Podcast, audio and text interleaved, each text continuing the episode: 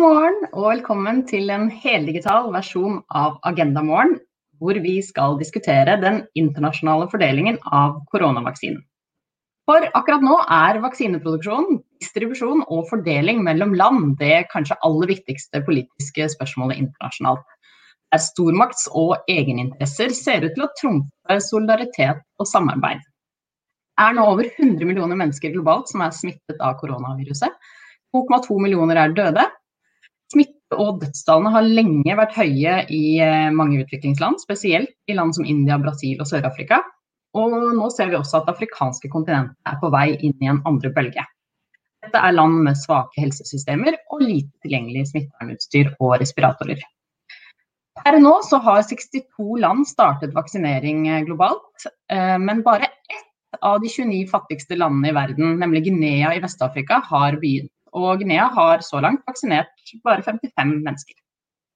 Halvparten av de planlagte forsyningene fra de ledende vaksinekandidatene har allerede blitt kjøpt opp av en liten gruppe land, inkludert eh, Canada, Japan, Storbritannia, USA og EU, dvs. Si også Norge. Til sammen så utgjør disse landene kun 14% av den globale befolkningen. Minst en femtedel av verdens befolkning vil ikke få tilgang til covid-19-vaksiner sannsynligvis før i 2022, og mange lavinntektsland må mest sannsynlig vente til 2023 eller 2024. Lederen for Verdens helseorganisasjon advarte 25.1 om at eh, denne vaksinenasjonalismen som vi nå ser, kan koste verdensøkonomien 9,2 billioner dollar. Så med dette som bakteppe så vil jeg gjerne få presentere møtets to veldig dyktige og morgenfriske deltakere. Med oss har vi Jon Arne Røttingen, som er spesialrådgiver og Norges ambassadør for global helse i Utenriksdepartementet.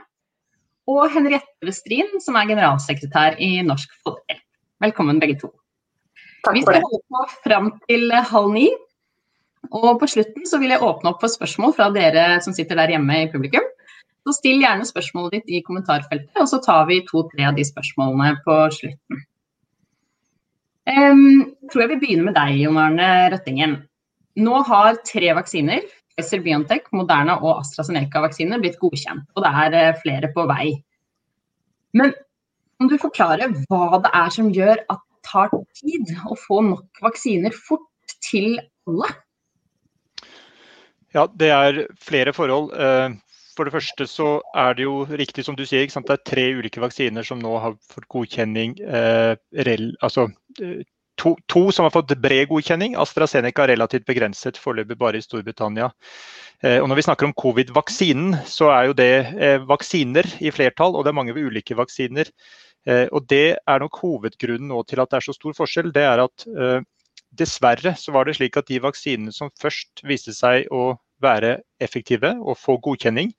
De hadde en profil som gjør de vanskelig å utnytte i de fattigste landene. Eh, og det er jo da særlig de to mRNA-vaksinene, som egentlig er de eneste som har global godkjenning eh, gjennom Verdens helseorganisasjon. De krever veldig eh, god infrastruktur og god frysekapasitet. Pfizer-Biontech-vaksinen må lagres på minus 70 grader. Og Derfor var det aldri en strategi når Covax-samarbeidet, det internasjonale samarbeidet for å sikre nettopp global vaksineutrulling, gjorde noen valg om hvilke vaksiner de skulle satse på. De satset på vaksiner som bare krevde vanlige kuldekjeder, og det kan være krevende nok i, i mange utviklingslandsetting. Altså det å ha frys, noen frysere eh, sentralt og kjøleskap eh, der du har, skal bre ut eh, vaksinen. Så hovedutfordringen er litt sånn tilfeldig. altså Hovedgrunnen er faktisk litt tilfeldig hvilke vaksiner som ble først godkjent. Og så er den andre store utfordringen det er uh, produksjonskapasitet. Uh, rett og slett at det tar tid å produsere. Uh, og så er det dessverre slik at den storskala produksjonen som er satt i gang for Covax-samarbeidet, for AstraZeneca-vaksinen, der venter vi jo fortsatt på godkjenning. Altså Vi venter på at vaksinene er godkjent å være Eh, ha god kvalitet og være trygge og gode. Eh, og det må vi sikre. For vi kan ikke gi doble standarder og ha lavere kvalitet på vaksinene vi tilbyr i de fattigste landene. Mm. Vi skal komme litt tilbake til dette med produksjonskapasitet, men eh, det sies jo også at eller det er jo helt åpenbart at vaksinen nå selges til høystbydende. Eh, og at de fattige landene ikke har råd til å betale det samme som eh, f.eks. Israel, Canada eller EU. Og, og, og, og det er jo faktisk det, det, er nok en feil beskrivelse. Beklager. Eh, ja, eh, beklager jeg bryter inn. har jo også gått til innkjøp av noen av de eh, vaksinene som du sier må ha eh, ekstra frysekapasitet. Så Uh, ja, så du mener at ikke det har noe å si at rike land eh, på en måte rensker butikkhyllene, egentlig? Nei, altså vi må, For det første så er det jo slik at uh, grunnen til at vi har noen vaksiner nå uh, klare i stor skala, det er jo at vi inngikk fra en god del land, inkludert Europa, USA, Canada, Storbritannia, tidlige avtaler i fjor sommer om å Eh, på veldig gunstige eh, prisnivåer, eh, rett og slett.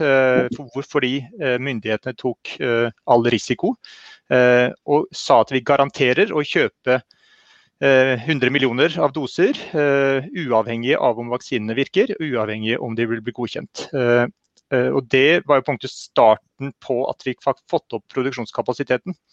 Og de prisnivåene var veldig lave.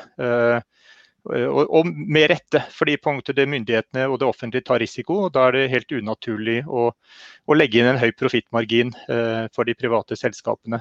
Og Vi opplever at det er de prisnivåene som nå er aktuelle i de aller eh, fleste avtalene. Så er det nok noen unntak. og Dessverre så ser vi også rapporter om at det er noen mellommenn, eh, rett og slett mellomaktører eh, internasjonalt, som greier å sikre seg Eh, sikkert begrenset eh, volum av vaksinedoser, og forsøker å selge det til absolutt kommersielle eh, priser, og, og, som er svært uheldig. Men generelt så er prisnivåene på disse vaksinene, som i de storskala avtalene, relativt rimelig. Og for, med, med, rette, fordi nettopp vi har tatt, og det offentlige har tatt risikoen. Mm. Ja, Henriette Westrin, eh, dere i Norsk Folkehjelp har uttalt dere kritiske til, eh, til vaksinenasjonalismen eh, som nå rår i verden. Men et argument som da Jon Arne Røttingen er innom, er jo at de rike landene bidro med offentlige midler tidlig i prosessen og inn i kontrakter sånn at vaksinen faktisk ble utviklet og produsert, og sånn at man stimulerte markedet. er du ikke enig i det som sies her, er ikke det en bra ting? Jeg har egentlig et spørsmål til Jon Arne som en oppfølging av dette. fordi at uh, jeg tenker at det, det, Vaksinene her det er jo det største markedet man kan tenke seg. Dette er noe som absolutt alle mennesker i verden uh, virkelig har liksom, had, Hadde du hatt penger, så er det dette du ville brukt pengene dine på. Det er liksom en enorm betalingsvillighet. Uh, og så har det nettopp samtidig blitt brukt enormt mye offentlige penger er det rundt 700 milliarder eh, kroner som har vært brukt eh, for å finansiere denne forskninga fra offentligheten. Og spørsmålet som jeg er litt nysgjerrig på, er liksom, hvilke krav var det da de rike landene diskuterte at de kunne legge på bordet sammen med pengene? Fordi at det de rike landene valgte å gjøre, var da å si vi legger penger på bordet, så ber vi tilbake om at vi får billige vaksiner.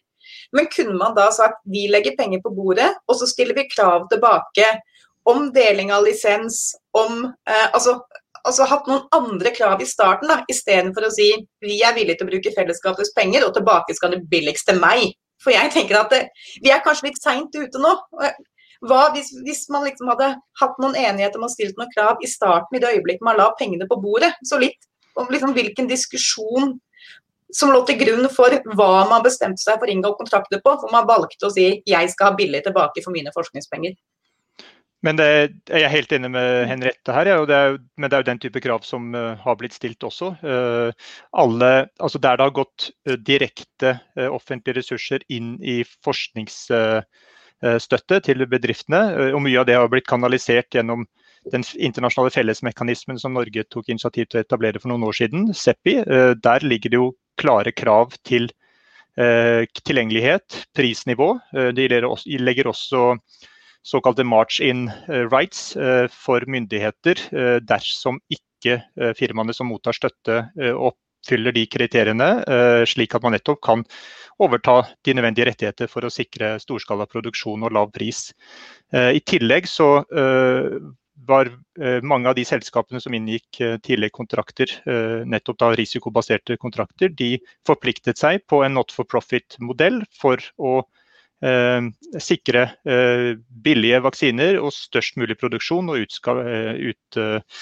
utrulling. Eh, og så var det forskjellige, også Selskapene har hatt litt ulike strategi på det. det dette er vel i praksis offentlig kjent. AstraZeneca og Johnson Johnson har vært tydelige på at de har gått inn i et partnerskap med den type forutsetning. De har sørget for å bidra til uh, storskala produksjon gjennom teknologioverføring til India og Sør-Afrika. Uh, og så er det andre selskaper som har en annen modell. Og, der, de, uh, de, det er jo vaksinefirmaer som primært fikk støtte og de første avtalene fra USA. mye av de firmaene med hovedsete i USA. der hvor det ikke lagt den type krav og forventninger inn. men vi har fra norske, norske myndigheter og politisk nivå sin side tatt til orde for at vi må kreve eh, lave priser, og i praksis kostnadsbaserte priser for vaksiner som skal selges inn i Covax-samarbeidet. Og så vidt vi er kjent med, så er det tilfellet i dag. Altså det er veldig lave prisnivåer på de vaksinene som Covax uh, kjøper inn uh, da, til denne Covax-fasiliteten, og som administreres av Gavi, den internasjonale mm. vaksinealliansen. Ja, rett du skal få ordet, men kanskje, du, kanskje ikke alle seerne her som er kjent med helt lingoen. Kan du kort forklare hva, hva Covax eh, er, Jon Arne Ja, det er et godt, godt poeng.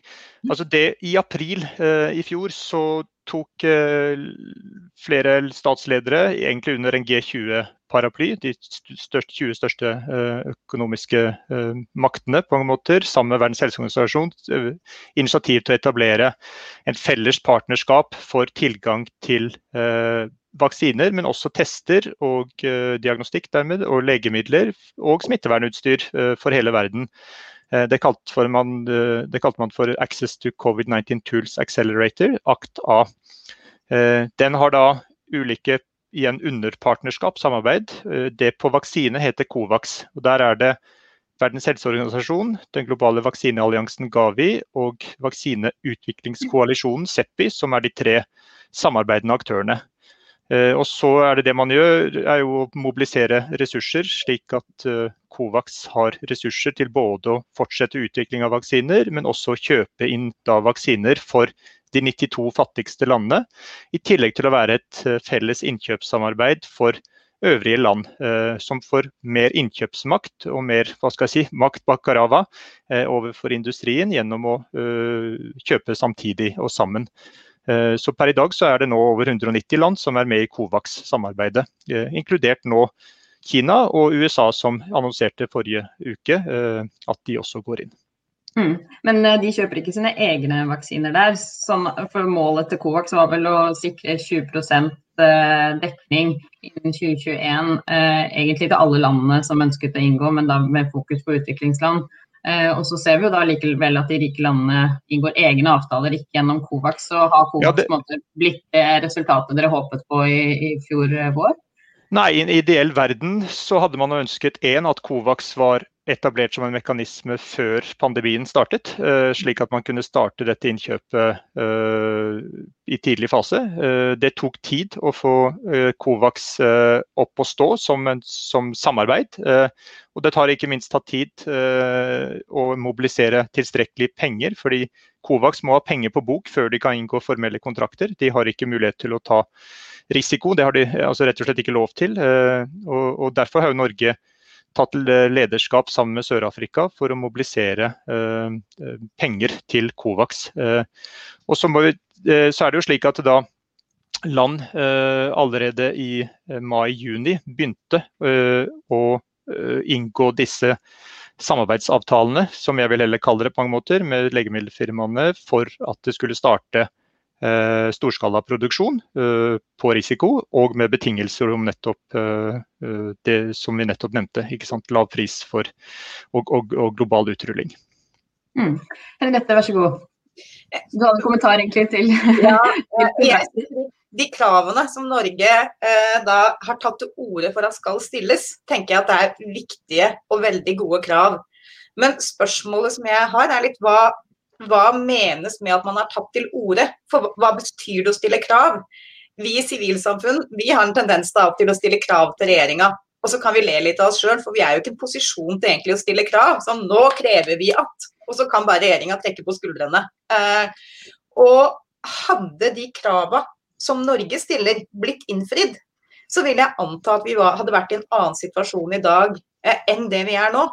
Så Derfor så lurer jeg på eh, altså, hva, hva, mener dere med å stille krav, og hvor langt mener du at man lykkes med å nå i å oppnå de kravene Norge har stilt, og hva kan man eventuelt gjøre for faktisk å stille makt bak det? Fordi at samarbeidsavtaler og frivillighet har vel ikke vist seg å være vellykka så langt? Uh, ja, Det er et spørsmål hva uh, altså Jeg tror man må være realistisk på mange måter, også i forhold til hva, hva hadde skjedd altså Hva er det beste, er det beste scenarioet vi nå kunne hatt? Uh, og vi er ikke så langt unna det beste scenarioet. Vi skal være sant, veldig he helt ærlige. Uh, uh, og jeg skulle veldig gjerne høre punkter Den andre storyline på mange måter, da, den, den, kont den, kontrafaktiske historien, hvis vi hadde tatt andre beslutninger, andre tiltak. Jeg tror dessverre ikke vi hadde vært i noe særlig annen posisjon nå. Men vi vil kanskje om et år være i en annen posisjon eh, hvis vi nå tar riktige valg versus ikke riktige valg. Eh, veldig mye handler egentlig eh, For dette nå har vi faktisk eh, brukt all produksjonskapasitet som er tilgjengelig i verden. Altså det, det, det maksimeres i alle, alle kanaler. Eh, nå må vi sørge for å opprettholde tydelige forventninger og krav til industrien eh, på leveranser. Og nettopp at man uh, følger prinsipper om at uh, her skal man levere verdi for pengene, og særlig verdi for de midlene som er uh, da samlet inn for å særlig nå behovene i de fattigste landene. og Det tror vi at vi har en ganske bred politisk støtte for, men vi tror ikke det er mulig å få formelle regler eller eller forpliktelser på tvers av alle land til dette, men, men at vi heller må jobbe gjennom politiske forventninger, avtalene som inngås og i det samarbeidet som er etablert under Covax. Men jeg, men jeg skulle gjerne høre Henriette, altså, hva, hva, er den alternative hva, hva, hadde den alternative historien vært?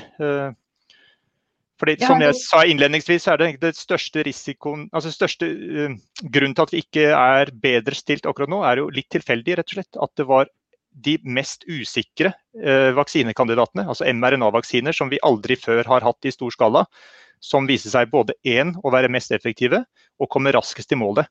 Det hadde ikke, altså Hvis jeg skulle eh, vedde på noe eh, i mai i fjor, når disse beslutningene i praksis ble tatt, så hadde jeg ikke som fagperson veddet på det. Mm, det er interessant. Henriette, du skal få svare på det. og gjerne da en av de tingene dere i Norsk Folkehjelp jo har ment at Norge og andre rike land eh, kunne gjort eh, ved siden av da, eh, å gi midler til Covax, eh, er å stemme for et forslag fra India og Sør-Afrika om å gi et midlertidig unntak for patentrettigheter i Verdens handelsorganisasjon, det vi gjerne kjenner som WTO. Um, og Hvordan vil en slik avtale bidra til å sikre vaksiner? Da er det altså snakk om å på en måte gi oppskriften eh, til eh, hvordan vaksinen lages til flere land, sånn at de kan produsere eh, denne, altså gjerne da en generisk vaksineversjon av den som nå er på markedet i sine land. Hvordan mener dere at en sånn avtale ville bidratt til å øke antall vaksiner til utviklingsland? Bare si at jeg er selvfølgelig helt enig i det Jon Arne Røttingen sier, at vi, vi kan ikke begynne å produsere vaksinene før de er godkjent. Eh, sånn at hvor langt vi hadde, Og det er jo først nå eh, AstraZeneca-vaksinen er godkjent, eh, som er en vaksine som er egnet for mer generisk produksjon, eh, og som det er mange som kan produsere. Sånn at eh, hvor vi hadde vært i dag, er jeg ikke sikker på eh, om vi hadde vært så veldig mye lenger. For det er jo nå vi får den vaksinen. Men spørsmålet er jo hvordan i det øyeblikket vi får den godkjenningen, vi kan få rulla ut så masse vaksineproduksjon som overhodet mulig. Og Der eh, mener nok vi i Norsk Folkehjelp sammen med en rekke andre land at det er mulig å få en høyere vaksineproduksjon dersom denne oppskriften hadde vært tilgjengelig. Vi har altså mange land i verden som er kapable til å produsere den type medisiner. Det er Sør-Afrika, det er India, det er Mexico, det er en rekke land eh, som kunne gjort det. Så vi mener jo at i det øyeblikket man hadde den type vaksiner godkjent, så burde det vært tilgjengelig for flere land å kunne starte produksjon. Og da ville det jo også vært sånn at da hadde man hatt en forutsigbarhet. For da kunne disse landene ha tenkt ok, her er det faktisk mulig å bygge en medisinproduksjon, for her vet vi at vi har en mulighet eh, til å gjøre det. Og så skal jeg si at jeg tror nok at det forslaget som lå på bordet fra WTO, ville det vært veldig vanskelig eh, å å få en enighet rundt. Det var et veldig omfattende eh, unntak eh, fra regelverket. Så kan jeg samtidig si at eh, jeg mener allikevel det har vært riktig av Norge å stemt for det, for å vise sitt prinsipielle syn, og hatt et prinsipielt syn som gikk i den retningen. Men utover det så kunne jeg jo ønske meg et Norge som nå gikk inn og tok en brobyggerposisjon, og så enda større grad enn man gjør i dag. Altså Norge har toppdiplomater innenfor dette feltet, og bruker de ressursene på å se hvordan kan vi sikre et midlertidig unntak, et snevrere unntak, som allikevel gir alle de landene som har en potensiell eh, vaksineproduksjon for disse vaksinene som nå kommer til godkjenning. For jeg tror det også ville kommet fellesskapet til nytte, også våre land. For det ville jo pressa prisen ned globalt. Og det ville jo igjen gjort at du kunne fått mer igjen for de pengene man samler inn innenfor Covax.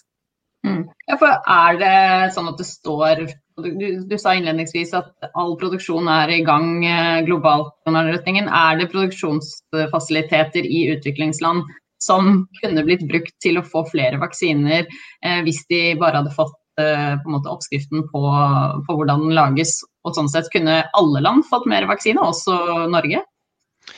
Ikke det vi er kjent med, og ikke det store globale kartlegginger av produksjonskapasitet eh, dels gjennomført av Seppi, uavhengig for å nettopp se om maksimere produksjon, eh, har vist. Eh, og I teorien så Eh, skjønner jeg Henrettes eh, argumentasjon. Eh, det er også relevant for særlig medisiner som er kjemiske substanser som kan syntetiseres i et kjemisk fabrikk, for å si det sånn, og basert på en oppskrift. Og, og så punkter testes at det er det kjemiske substansen, og så blir godkjent. Vaksiner er annerledes.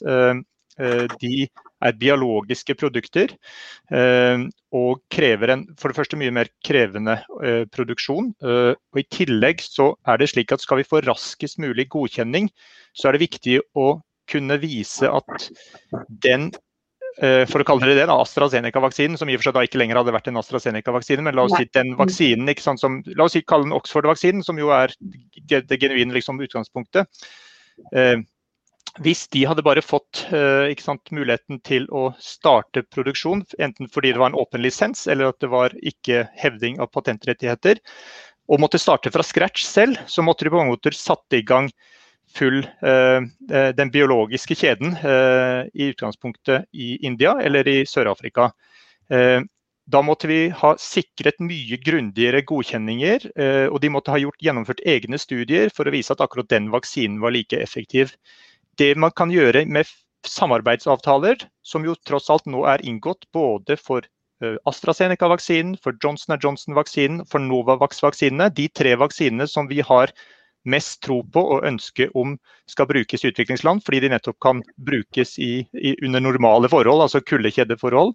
Eh, de har inngått nettopp lisensavtaler for produksjon i både India og Sør-Afrika. Eh, og i, i, andre land for å øke produksjonen. Eh, så vi mener at det er den raskeste veien til målet. Eh, grunnen til at vi ikke og Dette vil bli et dilemma. så Vi, vi regner med å få godkjenning av AstraZeneca-vaksinen i Europa ganske raskt. Men det betyr ikke dermed at den AstraZeneca-vaksinen som Covax skal bruke, er godkjent. Fordi man må godkjenne hver enkelt produksjonslinje. og Det betyr at den store produksjonen som skjer i Seruminstituttet i India, og som også skal skje i Korea, for Covax, det må også ha en egen selvstendig godkjenning. Hvis de hadde startet på scratch, så hadde det blitt en kjempeutfordring. For da måtte vi jo hatt mange flere tester og, og, gjennomførte studier.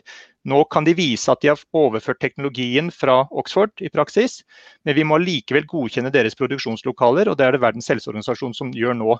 Så dette er ikke så enkelt på, i praksis som det er uh, i, i, teorien. Uh, og Derfor så tror jeg at der vi står i dag, så er dette raskeste veien videre øke mm. altså, Veldig fint at disse tre selskapene har gjort sånne teknologioverføringsavtaler. Si at de må bare øke mer hvis de kan finne uh, firmaer i mellominntektsland uh, som Mexico, som, som Sør-Afrika, som uh, India, og øke produksjonen. Men det vi hører er at det er ikke flere som kapasitet. Og vi har sagt at hvis man kan vise til at enkelt mellominntektsland har produksjonskapasitet gjennom firmaer som ikke er i bruk, Eh, så må det komme på bordet.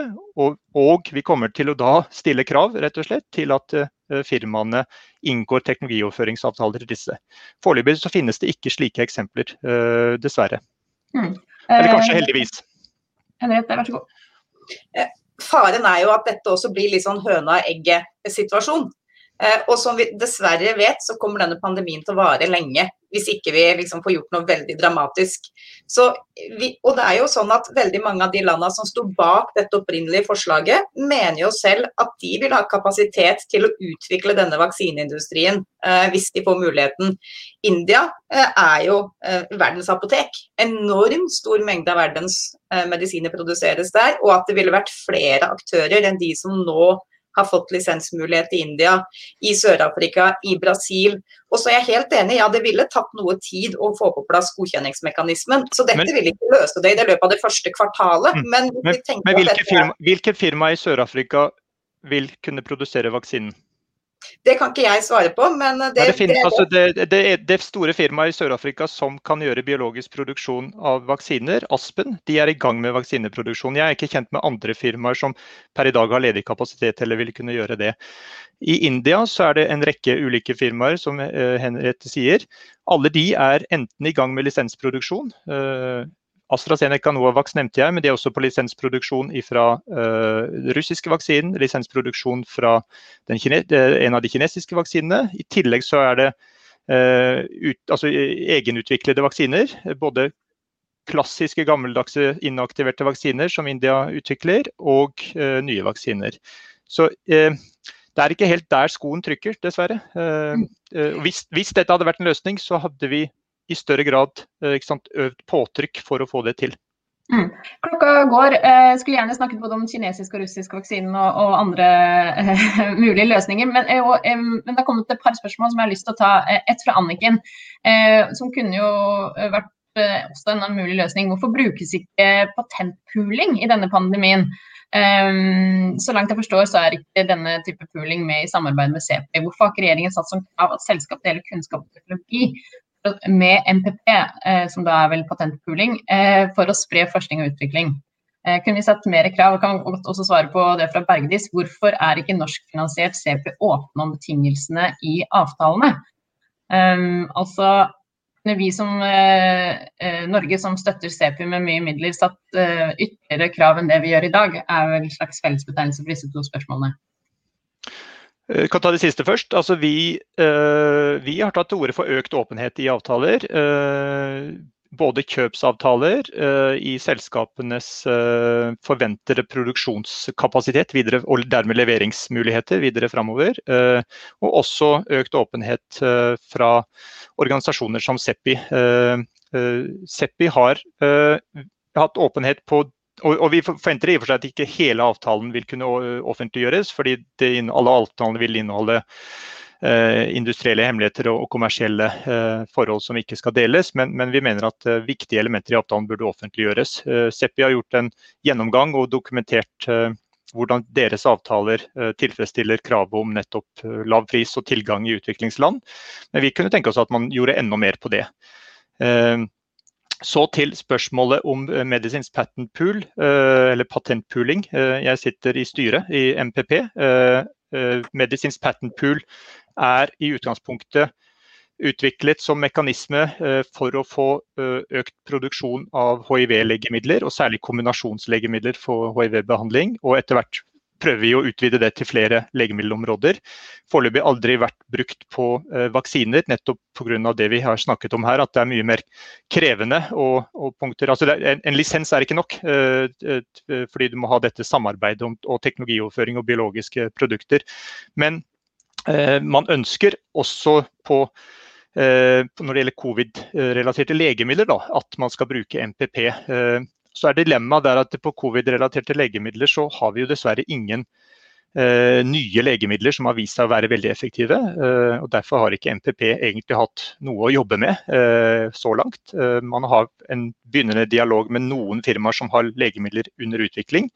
Eh, men de er ikke som sagt modne for utrulling, fordi det finnes ikke informasjon om at de, at de, virkelig har så stor effekt. Eh, og på legemiddelsiden er det jo kun det gamle uh, generiske legemiddelet dexametason, altså som ikke er patentbeskyttet lenger, som uh, har vist seg å ha robust effekt for alvorlig, uh, kritisk alvorlig syke pasienter. Mm. Nå er dessverre klokken blitt halv ni. Dere skal få lov til å få et halvt minutt hver på å avslutte.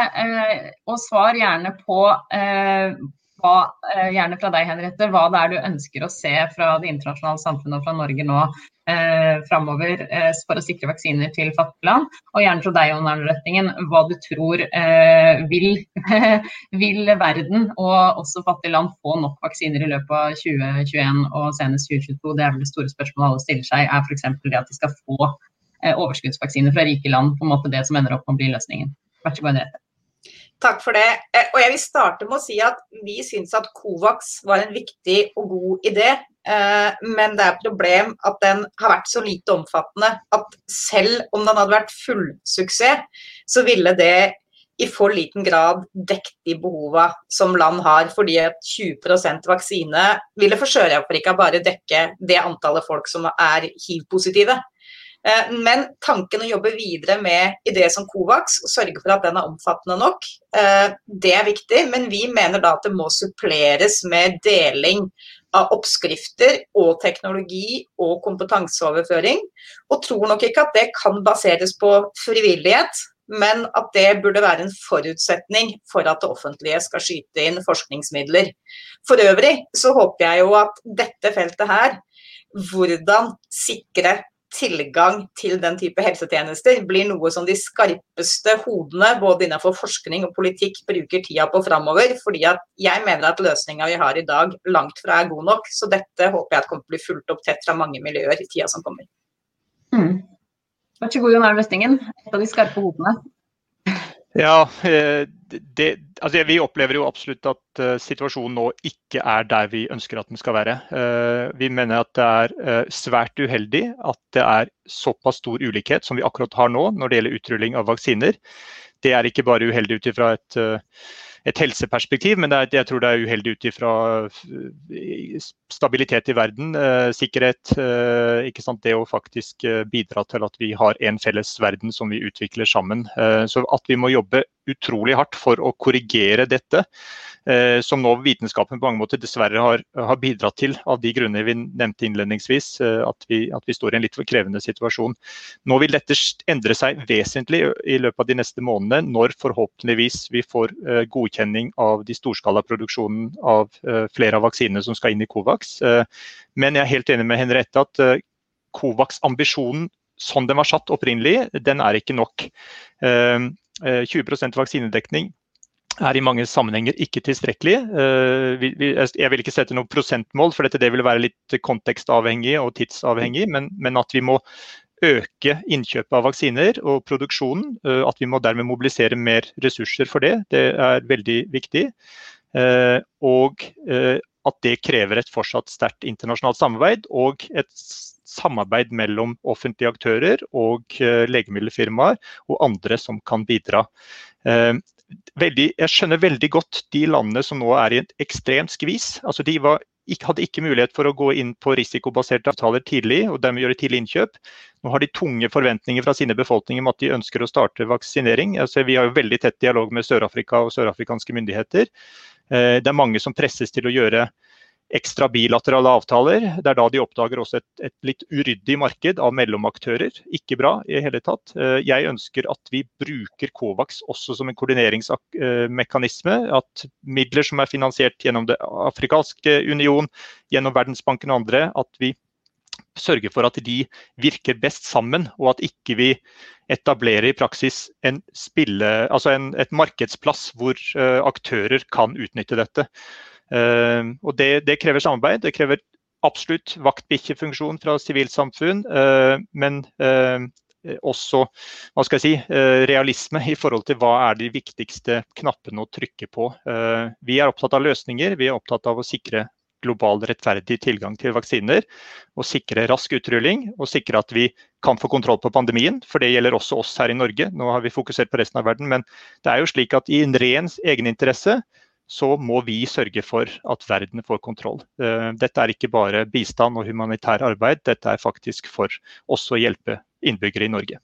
Mm, helt, helt, åpenbart. Ingen er trygge før alle er trygge. Da er det dessverre gått over tiden også. Eh, hvis du ikke med deg hele arrangementet, så kan du se det i opptak på Tankesmien Agendas Facebook-side. Tusen takk til Jon Arne Røttingen og Henriette Westrin for veldig kloke perspektiver. Denne debatten er nok ikke over. Takk også til kollega Havon Begsi for det tekniske, og ikke minst til alle dere som fulgte med og stilte spørsmål underveis. Og Ønsker du å høre mer om global helse og den internasjonale fordelingen av koronavaksinen, så kan jeg helt til slutt anbefale Tankesmien Agendas podkast 'Utviklingspotensialet'. Den finner du på Spotify eller der du hører podkast. Tusen takk for nå, og ha en riktig god dag. Ha det godt.